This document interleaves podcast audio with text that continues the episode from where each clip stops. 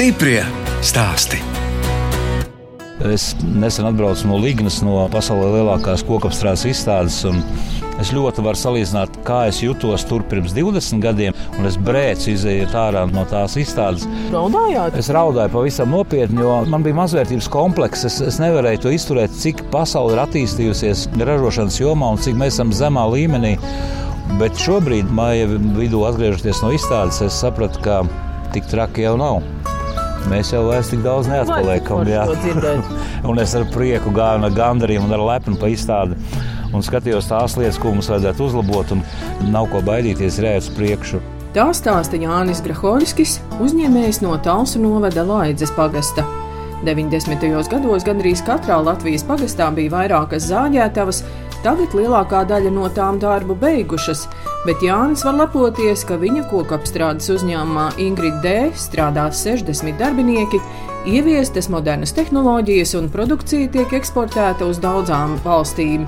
Jānis stāsta, ka izaudzis Tausu novada laucienas pagastā un viņa vecāki bija poļi, kas darbu atraduši Latvijā. Māma bija ļoti pragmatisks cilvēks, un viņa teica, ka viņa paņēma šo mašīnu un ar kājām atnāca uz stalsiem. Viņa ir ienākusi pēc otrā pasaules kara Latvijā, bet dziedāja man latviešu sūpļu dziesmas, mācīja latviešu tautas dziesmas, un latviskā garā es esmu izaudzis. Un tas man deva arī tādu impulsu dzīvē, kļūt par īstenu latviešu.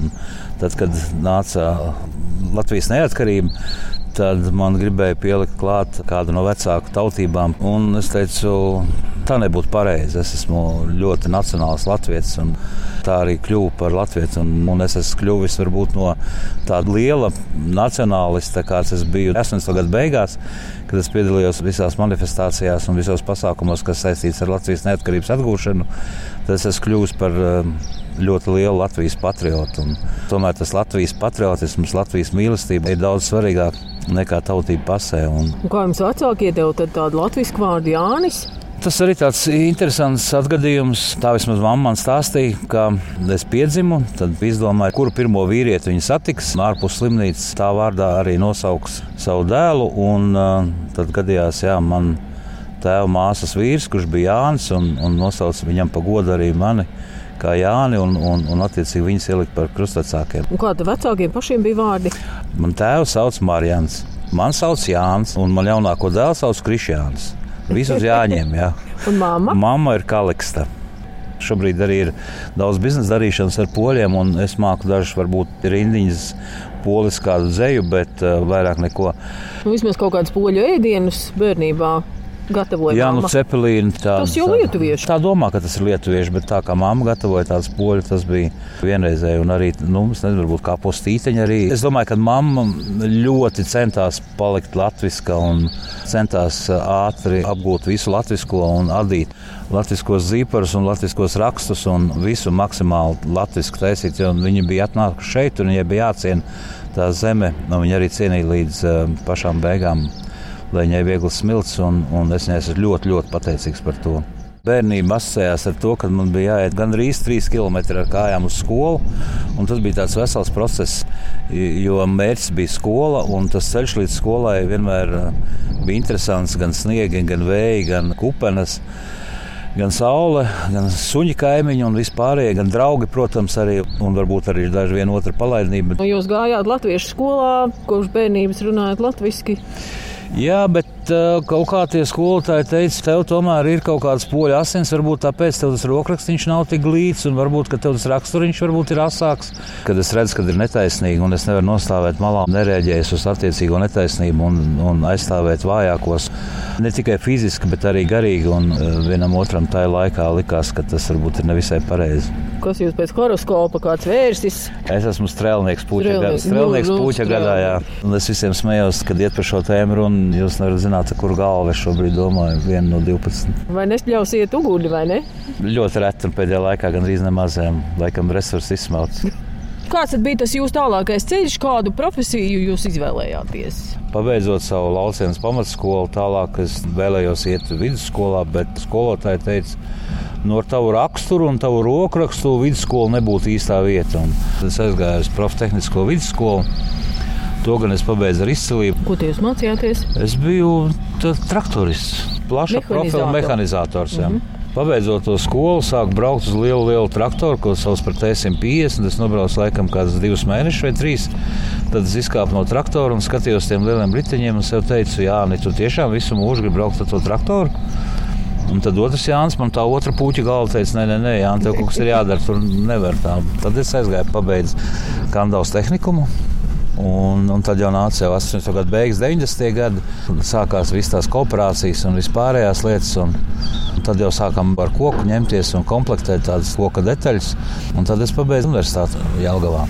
Kokapstrādes tehnoloģijas neklātienē. Un es esmu ļoti apmierināts un ļoti gandarīts pats par sevi, ka es to izdarījis. Jo var jau teikt, ka izglītība nav svarīgākā, bet tomēr uz izglītības pamatēzes bāzēm veidojās tālāka attīstība. Un tas ir ļoti svarīgi, ka tu tomēr proti profesionālās lietas uh, dziļāk nekā tas būtu vispusēji. Un nu, paralēli arī, protams, visa ekonomika un, un mācīšanās pašmācības ceļā, kas man ļoti pašam saist.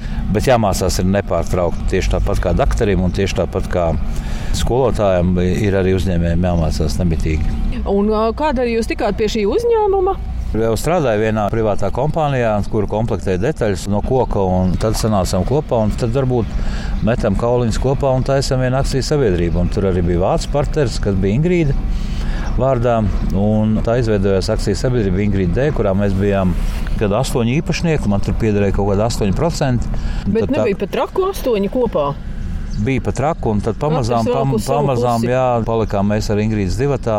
Tagad Jānis Grahoļskis ir vienīgais uzņēmuma Ingrida D īpašnieks, bet atzīst, ka uzņēmuma attīstību sekmējušas vairākas nejaušas sakritības. Dzīvē bieži vien lielas un labas lietas notiek nejauši. Tā kokapstrāde veidojās varbūt ne tik nejauši. Tas bija tāds mērķiecīgi, jo mēs tajā laikā, 90. gados, es jau smējos, katram kādreiz eh, latviešu zemniekam bija govs, bet tagad eh, kokapstrāde un to jau visa Eiropa un, un pat pasaule runāja, ka latviešu mazo zāģēta unikums, kas 90. gados ražoja ļoti daudz parastus dēļus un šobrīd varbūt no Latvijas IKP ir mazāk, kaut kāda 8-12% koku industrija dod, bet tajā laikā bija pār pa 20%. Tas bija ļoti, ļoti daudz. Vienā dienā zāģēja mežā, otrā dienā jau uzkrauts uz kuģa. Un trešā diena nauda mājās, un tas gāja visu zūrā. Un, un, protams, es sapratu, ka ilgtermiņā tas tā turpināties nevar. Un, un ir jāmeklē kaut kāda īpaša niša, kurā nostabilizēties, ko attīstīt un radīt produktu ar pievienoto vērtību. Un tad, esot Vācijā, nejauši ieraudzīju, ka ražo koku kāds. Un, un nejauši tur bija viena latviešu sieviete, kas bija ieprecējusies, un tad man ļāva tai rūpnīcu apmeklēt. Tad nejauši es palūdzu, vai nevar man, man pamācīt ražot tos koka kātus. Tad nejauši man iedeva vienu aparātu, tad mājās uzražojām nezinu, mēnesī kaut kādu tūkstošu kāds. Tad likās, ka tas ir pasaules sasniegums. Tā arī sākām. Un šobrīd esam tajā nišā palikuši pamatā un, un attīstījuši vispārējās nišas, kas ir bērnu rotaļlietas un, un, un līmētās koka līsas, ko mēs saucam par teātra latām. Un, un veikals. Un kā nu, mēs jūtamies stabili. Stiprie stāsti!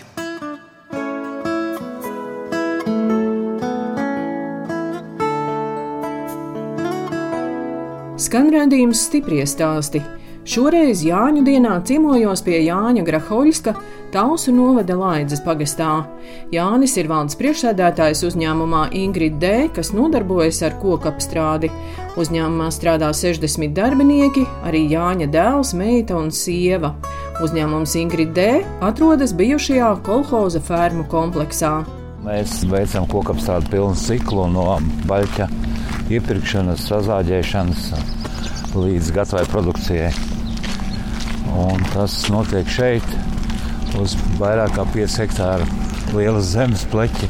94. gadā, kad es atnācu februārī, tad vēl pēdējās gosniņas bija palikušas. Un... Cik tā jums te tās fermas ir? Trīs korpusi mums ir. Kā es izlasīju, uz durvīm zāģētava. Jā, šeit ir zāģētava, ko mēs arī modernizējām. Tas šeit ierodās baigas tiek izšķirots, sazāģēts un tālāk pārtot par skaistu baltu sēru. Maksimāli viss tiek datorizēts, un operators ievar tikai nepieciešamos datus, un zāģa mašīna pati veids zāģbaļu pirmapstrādi. No apaļa koka, kas ir audzis mežā, nogādās līdz šejienei, līdz ražotnei, pārtop par dēli, par zāģu materiālu. Te ir tādas milzu dēļu kaudzes, žūst. Mēs zinām, ka enerģija šobrīd nav tā lētākā, un saulīt, paldies Dievam, mums nemaksā šodien vēl neko. Gaidām, kad izžūs ar sauli un vēju. Un pēc tam žāvēšanas izmaksas, protams, daudz mazākas. Šobrīd arī pie šīs ekonomiskās situācijas ir jāskatās katrs posms, kurā mēs varam ietaupīt, vai kurā mēs neizdodam tik daudz līdzekļu, kā mēs varbūt varējām atļauties iepriekš.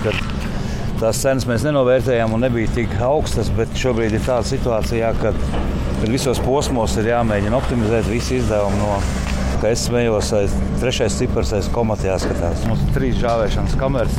Pārsvarā mēs pārstrādājam, vai galvenokārt tad, tad ir 80% mitrums, kas ir jādabū ārā. Un vienā no vienas tādas kameras, Aleksandrija, mums jādabū ārā ir līdz piecām tonām ūdens, kas aiziet atpakaļ.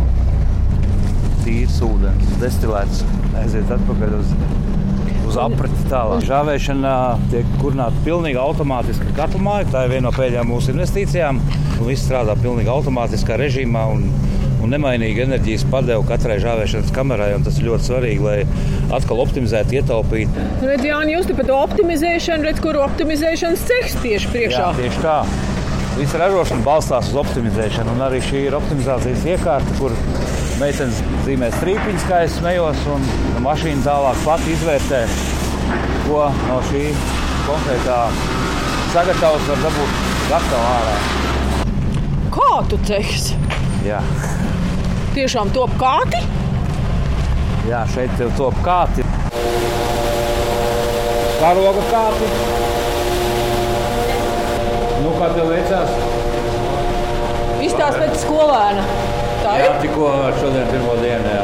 Bet nu, vismaz saka, saprast procesu, ko nozīmē ražošana un, un, un kāds ir gala produkts. Un es domāju, ka arī tas gandarījums, kā pārtop, varbūt šī gadījumā tas krāsotais karokāds, kas bija nekrāsots par gatavu produktu. Un es domāju, ka noteikti jaunietis, ejot pa ielu, ieraugot kādu karokādu, skatīsies, vai tas nav manējais. Mēs arī lepojamies, ka mums olimpiādē vasaras mūsu karokāds nes mūsu olimpieši olimpiādas atklāšanā. Aizkars tanku sagatavē. Viņi tiek nosūtīti uz Poliju, kur tālāk tiek ā, apstrādāts īpaši. Pielikt klāt attiecīgi pakarāmie un gali un vispārējais. Un tad nonāk atpakaļ mūsu veikalos kā dabiskā koka aizkars tanga. Redz, ko var izdarīt ar kātu. Ja? Jā, no kāta. Jā. Kāta cehā. Skaidrs, ka jūs ļoti esat domājuši par dažādām mašīnām. Cilvēku darbs lielākoties tomēr ir uzlikt un nocelt to dēlīti. Jā, es jau smējos, kad es iešu pensijā, tad, kad pie manis varēs strādāt visos posteņos sievietes, un viss būs maksimāli automatizēts. Un ar katru gadu mēs investējam ikdienas sīkumos, bet katru divus, trīs gadus mēs investējam lielākās lietās un lielākos posmos. Kā jau es teicu, zāģētā mums ir gandrīz pilnīgi automatizēta ar automatizētu zāģu baļķu padevi un zāģu kopu sastādīšanas un zāģēšanu. Un, un ja kādreiz mums stūma mazos lenču zāģu mašīnas ar rokām, tad šobrīd operators klausās mūziku, dzer kafiju, spaida podziņas un par to saņem algu. Bet tā atbildība viņam ir milzīga. Salikt pareizo zāģu kopus un pareizās podziņas saspiest. Un, un tālāk jau ir katla māja, kas strādā pilnīgi automātiski bez cilvēka. Un, kur mēs skatījāmies, kur meitene strādā, zīmē strīpiņas, bet nu, tās strīpiņas ir zīmētas tiek noteiktā vietā pēc instrukcijas, un tālāk jau mašīna izrēķina, ko no tās sagatavas, kādu maksimālu iznākumu dabūt ārā no tās sagatavas. viņi tur bija kaut kādas zaras? Zari ir viena no koksnes vainām, un tās vainas viss ir jāizgriež ārā, lai gala rezultātā tas koka kāds būtu gluds, taisns, bez vainām un patīkams strādāt cilvēkam, ieliekot viņu instrumentā. Interesants ir viens no mūsu izstrādājumiem, ko visi vācieši, arī visi pircēji zina un sauc par teātras latām, ko arī tieši izmanto teātras kulišu un teātras dekorācijas būvē. Šobrīd arī Latvijas kinostudija ir, ir pirkusi un, un mēs Ah, tie bija tie koki, kas audzēti tā kā kopā. Jā, kā saudzēt jūs- kopā, un pēc tam ir ir gludi noevēlēti un taisni, un tiem arī ir pieprasījums. Sākotnēji bija grūti iet tirgu, jo tās teātras latas tika ražotas no skujkoka, un tad es teicu, kāpēc nevarētu no apsi jūs pirkt. Viņš saka, nē, apsi, kas ir apse, un, un, un tad es izdomāju tādu triku, ka es nosaucu par stipro ziemeļu apsi. Un teicu, ah, stiprā, jā, tad, tad, tad tas varētu iet, jā, un tad aizgāja. Un vēl druskuļi izstāstiet par to bērnu produktu nišu.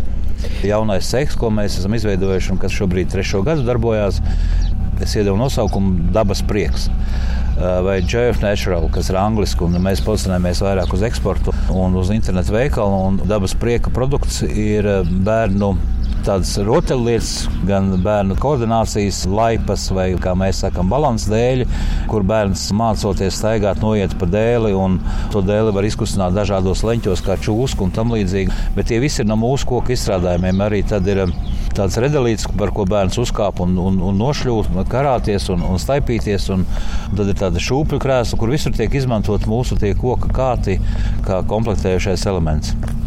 Es domāju, ka jebkam ir nākotne, ja pie tā piestrādā. Un šeit ir divas lietas. Izējai materiāls vai resurss ir pieejams pilnīgi visiem. Un tieši tāpat arī tirgus, kas ir brīvs pieejams pilnīgi visiem uzņēmējiem. Bet, protams, ka pašizmaksas ir svarīgs ekonomisks postens. Un, ja mēs spēsim maksimāli automatizēt un spēsim uh, radīt kvalitatīvu, cenu ziņā konkurētspējīgu produktu, tad arī šeit dabas prieka produktam būs ļoti liels pieprasījums. Un mums šobrīd ir um, pārdošanas loģistika tāda, ka mēs pārdodam pārdodam caur savu internetu veikalu tieši patērētājiem vai ģimenei. Vai tas ir Amerikā, Austrālijā, kaut kas arī gājis uz Japānu un, un, un ļoti daudz iet uz Vāciju. Un, un pēdējā laikā arī Latvija daudz pērk. Tā kā mēs attīstīsim noteikti ar vienu produktu ar, ar lielāku pievienoto vērtību, jo tā ir tikai mūsu nākotne un maksimāli automatizēsim, samazinot pašizmaksas un, un darba ražīgumu uz vienu cilvēku. Un pats svarīgākais visā uzņēmumā ir cilvēks. Un šo pozitīvo mikroklimatu saglabāt um, ticību cilvēkos, kad mēs darām to darbu, kas rada gandarījumu, ir ļoti svarīgi. Un, un es ar katru cilvēku cenšos reizes nedēļā vismaz aprunāties un dot viņam tādu pozitīvu emociju lādiņu. Mēs esam tāda viena ģimene, un tam pierādījums ir tas, ka šeit pie mums strādā vairākās paudzēs cilvēki, kas šeit kā mazi bērni nāca vecākiem līdzi, kur paši šobrīd strādā un kuriem jau ir bērni. Un mums tā kadra mainība ir ļoti maza. Es ļoti negribu sevi slavēt, bet es vienkārši saku, ka tas ir reāli. Tur tās poļu saknes. Iespējams, jā. Bet nevienam nevajag kautrēties par labiem darbiem un par to, kā tu jūties katrā konkrētā vietā un, un kad tev ir uzņēmums. Un, un nav ko kautrēties no tā, ka tu priecājies. Tas viss ir cilvēcīgi un dabiski. Jāni, bet tagad tā meža nozares nākotne, tur tā pārstrāde drusku tādās drūmās krāsās tiek iezīmēta. Ja? Ka tomēr cēlās tās cenas un noliktavas tagad pilnas, vairs neiet tā pārdošana. Jūs kaut ko no tā visa jūtat? Mēs jūtam, ka vispārēji globāla ekonomika, manuprāt, lēnām bremzējās, bet tas ir saistīts ar daudziem faktoriem - inflāciju un pēc-covid un, un nenormālais karš Ukrainā. Un ģeopolitika ir izjaukta un centrālo banku, gan Amerikas, gan Eiropas kredītu procentu likuma pieaugums patēriņš krītās. Šobrīd ir pauze, un tas nenozīmē to, ka rudenī nebūs maksimāls pieprasījums. Jo tomēr nu, viss biznesa vairāk vai mazāk iet kā sinusoīda. Jautājums tikai, cik dziļi mēs iesim un, un kad mēs sāksim atkal iet uz augšu. Pagājušais gads mūsu uzņēmumam bija ļoti izcils gads, un šobrīd mums ir um, jūnijas, un tad arī pirmie pieci mēneši mēs nevaram raudāt Bet jā, nu, nemitīgi ir jābūt formā kā sportistam un jāsako līdzi gan tirgus tendencēm, gan produktiem, gan cenām, gan pašizmaksai. Pilnīgi visam kompleksam, lai to spētu noturēt un attīstīt tālāk savu uzņēmumu. Ar Jāni Grahoļski runājamies, sēžot ārā uz soliņa, bet mums blakus zāli pļauj robots. Kā saka Jānis, arī mauriņa pļaušanā jāizmanto mūsdienīgas tehnoloģijas. Tomēr ir 21. gadsimts un, un jāskatās, lai mēs arī izmantotu tās tehnoloģijas, ko tomēr dod attīstība. Un šeit, protams, robots strādā savā nodabā un nav nepieciešams atsevišķi cilvēciņš, kurš nāk ar troksni, ar, ar benzīnu un pļauj mauriņu, lai robots strādātu. Stiprie stāsti!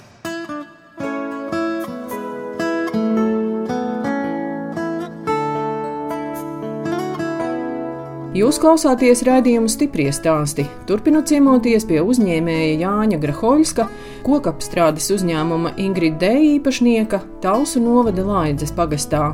Jāņa birojā blakus skaistām koka mēbelēm un Arņa Zupiņa, Žaņa Stūniņa un Valda Kalnrozes gleznām atrodas arī ģimenes fotografija. Jānis kopā ar sievu Dāci izaudzinājuši divas meitas un divus dēlus un vērtēja, ka ģimene ir visa pamats.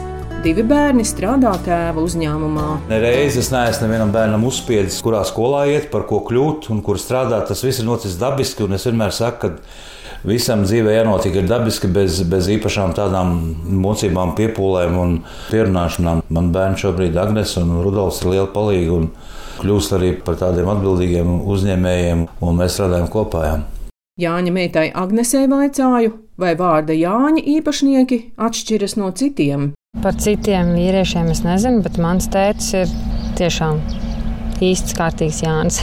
nu, tas ir tāds krietns, godīgs, gudrs, mērķtiecīgs, gādīgs, taisnīgs. 60 darbinieki tas ir daudz. Un darbus visus plānot un mērķus sasniegt, tas nebūtu nav viegli, bet mēs visi ar mūsu tēti lepojamies. Man vismaz tēta pavisam noteikti ir kā autoritāte, no kura var ļoti daudz ko mācīties un uh, ņemt tikai to labāko piemēru. Pašai ir uh, trīsgadīgs puika, un to es esmu iemācījusies jau tagad, ka bērni nav mērkaķi, mēs nevaram viņiem kaut ko iemācīt. Viņi skatās to, ko mēs darām, to, ko mēs runājam, uz mūsu vārdiem, uz mūsu darbiem, un viņi atkārtos. Tā kā jādomā, ko mēs paši darām. Agnēs, izstāstiet, kas tad jūs esat uzņēmumā? Es uzņēmumā esmu tirsniecības veicināšanas speciālists. Jūs veicināt pārdošanu, tā jā. varētu teikt. Veikalā, jā. Jā, meža un dārza tehnikas veikals, un es darbojos tajā. Kopš es sev atceros, vienmēr esam te kaut kur kaut ko darījuši. Tad zāli pļāvuši, tad kātiņas krāmējuši, līmējuši etiķetes, un tā pamazām, pamazām esam tur, kur mēs esam. Jā. Es mācījos Latvijas Universitātē. Maģistra grāts man ir projekta vadībā. Pēc absolvēšanas Tad gan teica, piedāvāja, jā, vai es varbūt gribētu vadīt. Mums tad vēl bija divi veikali. Otrs bija Dundagā, vai es gribētu vadīt Dundagas veikalu. Un, uh, Tur nebija vajag jādomā, es piekritu. Kāpēc gan ne? Ko pats teica, ir mācījis, ka ļoti svarīgi ir atdalīt, ka darbā mēs esam darbā un mājās mēs esam mājās. Un to, ko pasaka darbā, varbūt nevajag ņemt pie sirds un mācīties no tā, ko tev saka. Bet Citreiz ir grūti, protams, Jā. atdalīt tās lietas un uh, sanāk ņemt pie sirds kaut kādas situācijas.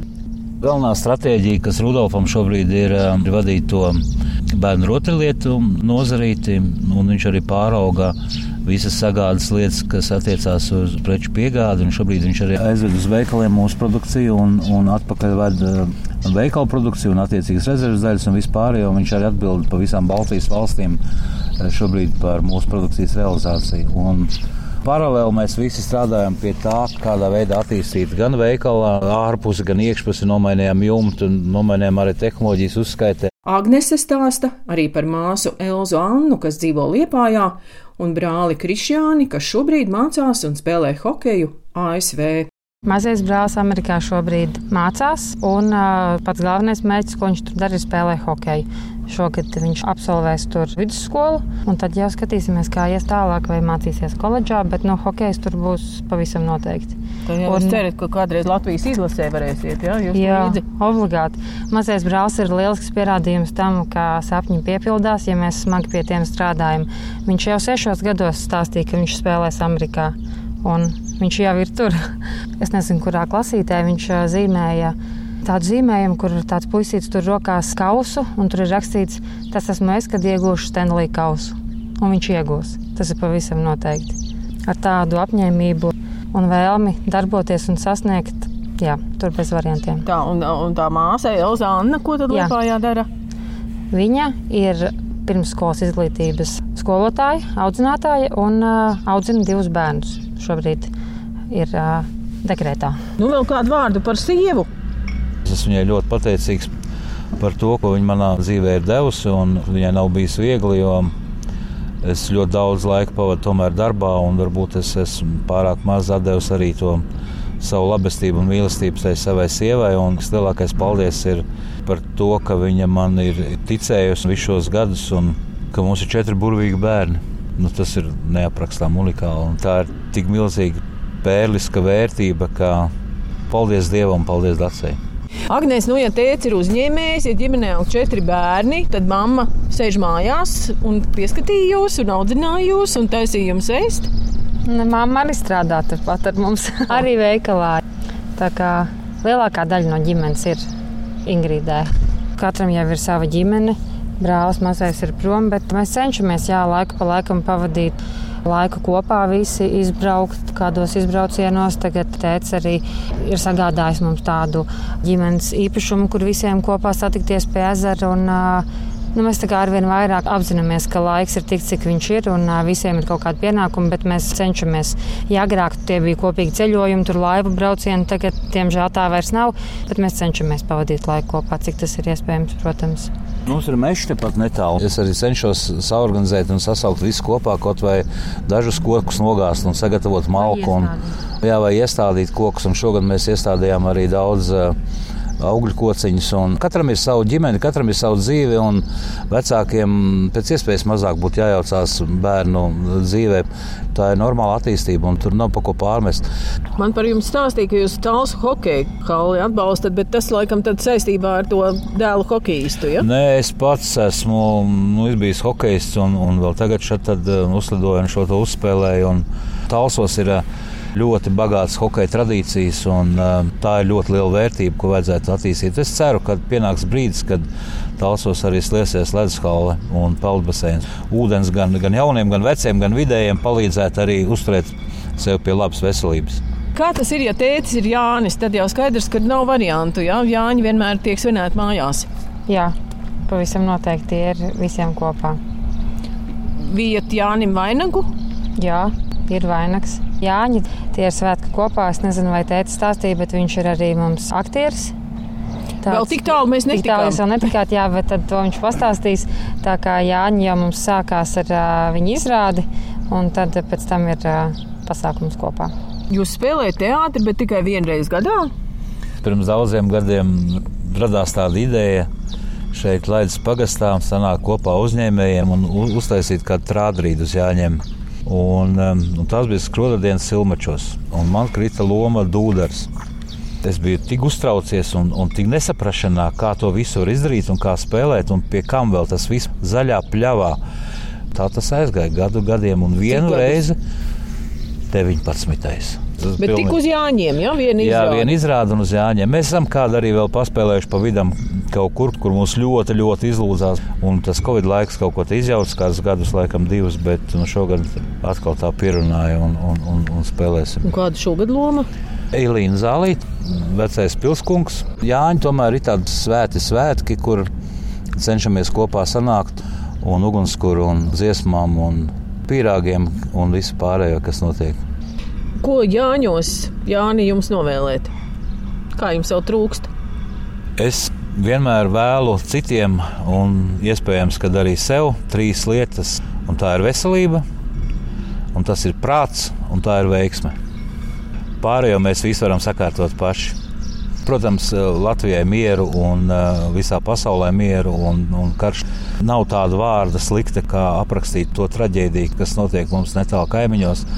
Un cik bieži vien mēs nenovērtējam to savu esību Latvijā kā mieru. Jā, mums ir daudz problēmas, bez problēmām nebūs nekad, bet primāri, lai, lai tas ir miers un lai cilvēkiem ir darbs un lai visi būtu vairāk vai mazāk apmierināti. Viens no maniem vaļaspriekiem ir ceļošana ar motociklu. Un, un man ir tāds pārdesmit gadu vecs BMW motocikls. Es esmu daudz ceļojis, esmu bijis Romā, esmu bijis Vatikānā. Pagājušajā gadā es aizbraucu līdz Nordkapam kas ir Norvēģijā, kas ir tuvākā zeme eh, Ziemeļpolam. Tā ir tāda motociklistu meka, un tad es aizbraucu tur. Un, Un es atkal paraudāju. Jā, es biju priecīgs par to. Un, un šogad um, es gribēju atbraukt uz Mečugoriju. Tas, kā jau saku, tas ceļš līdz mērķim bieži vien ir um, daudz vērtīgāks nekā tas pats mērķis. Un, un savienojot kopā gan ceļu, gan mērķi, veidojās tā pilnība, par ko cilvēks var būt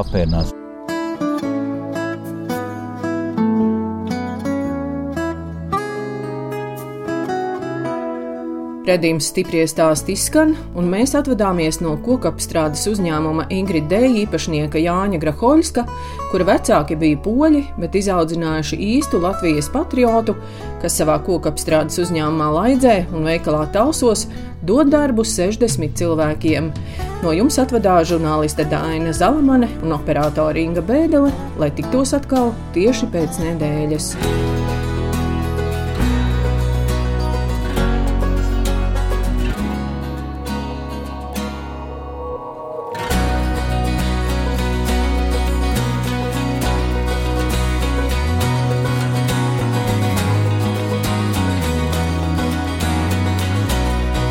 Stiprie stāsti.